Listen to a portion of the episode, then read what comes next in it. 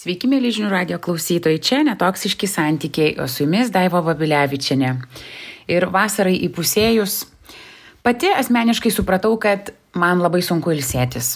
E, turbūt tai yra liekamasis reiškinys iš ko priklausomybės. Ir nors iš jos jaučiuosi išsilaisvinusi, visgi šie atradimai mane paskatino vėl pakalbėti apie tai, kas yra ko priklausomybė santykiuose.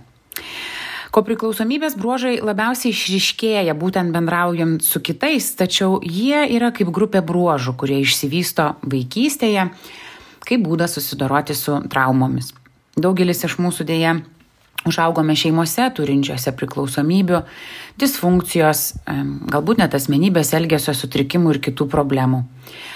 Kitų iš mūsų vaikystė pažiūros buvo normali, tačiau ko priklausomybės bruožus ir modelius mes nesąmoningai paveldėjom iš savo tėvų. Ir kuo pasireiškia ta ko priklausomybė, trumpai norėčiau apžvelgti. Tačiau norėčiau primiktinai priminti, kad beklausant, jeigu atpažinsite, kad kažkurie bruožai jums tinka, tai netiek svarbu, kiek jų bruožų turite, bet daug svarbiau yra įsigilinti ir pasvarstyti, ar man jų turėjimas iš tiesų sukelia kančių ir trukdo mano e, santykiams, ramybei ir bendrai emociniai sveikatai. Nes kai kurie žmonės yra ko priklausomi ir jie gerai jaučiasi tame. Kai kuriem visgi, būnant ko priklausomybėje, yra sunku kurti santykių su savimi ir su kitais. Tad pradėsiu. Vienas iš e, didesnių požymių kopriklausomybės yra tai, kad asmuo susitelkia į kitų žmonių problemas ir poreikius. E, jais rūpinasi, kontroliuoja, nuolat teikia patarimus.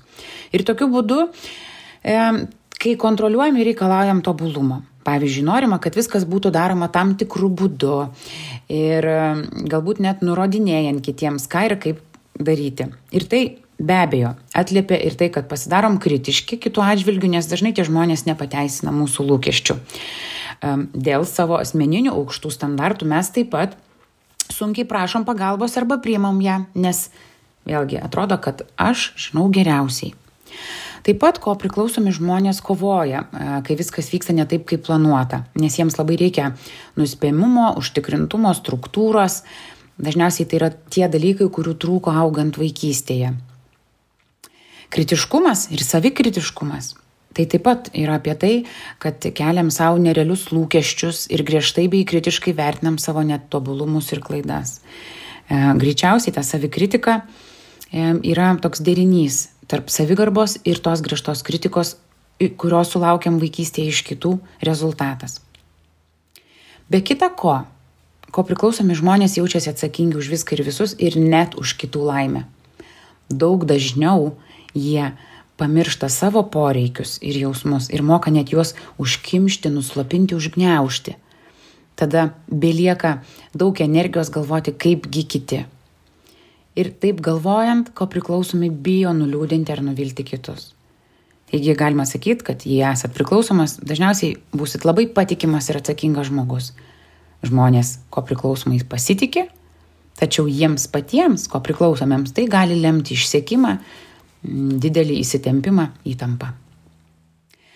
Kaip sakiau, ko priklausomi mėgsta ignoruoti savo jausmus ir poreikius. Bet vienas dar įdomus dalykas, kad kadangi, mm, kaip ir sakau, nuo vaikystės dažniausiai esame išmokti nuslopinti ir neikti tai, ką patiriame, mes taip pat tada gaunam galimybę ir nu, turim įgūdį nesunkiai save įtikinti, kad nesam nelaimingi. Nes neigimas to, ką patiriu, tapo įprastu dalyku. Ko priklausomų žmonių nuolatiniai palidovai yra kaltė ir gėda. Mes jaučiamės kalti, um, kad esam netobuli, mums gėda, kad kaip mes augom, arba mums gėda net tiesiog, kad kokie mes esame. Ir tai sukelia perteklinės emocijas.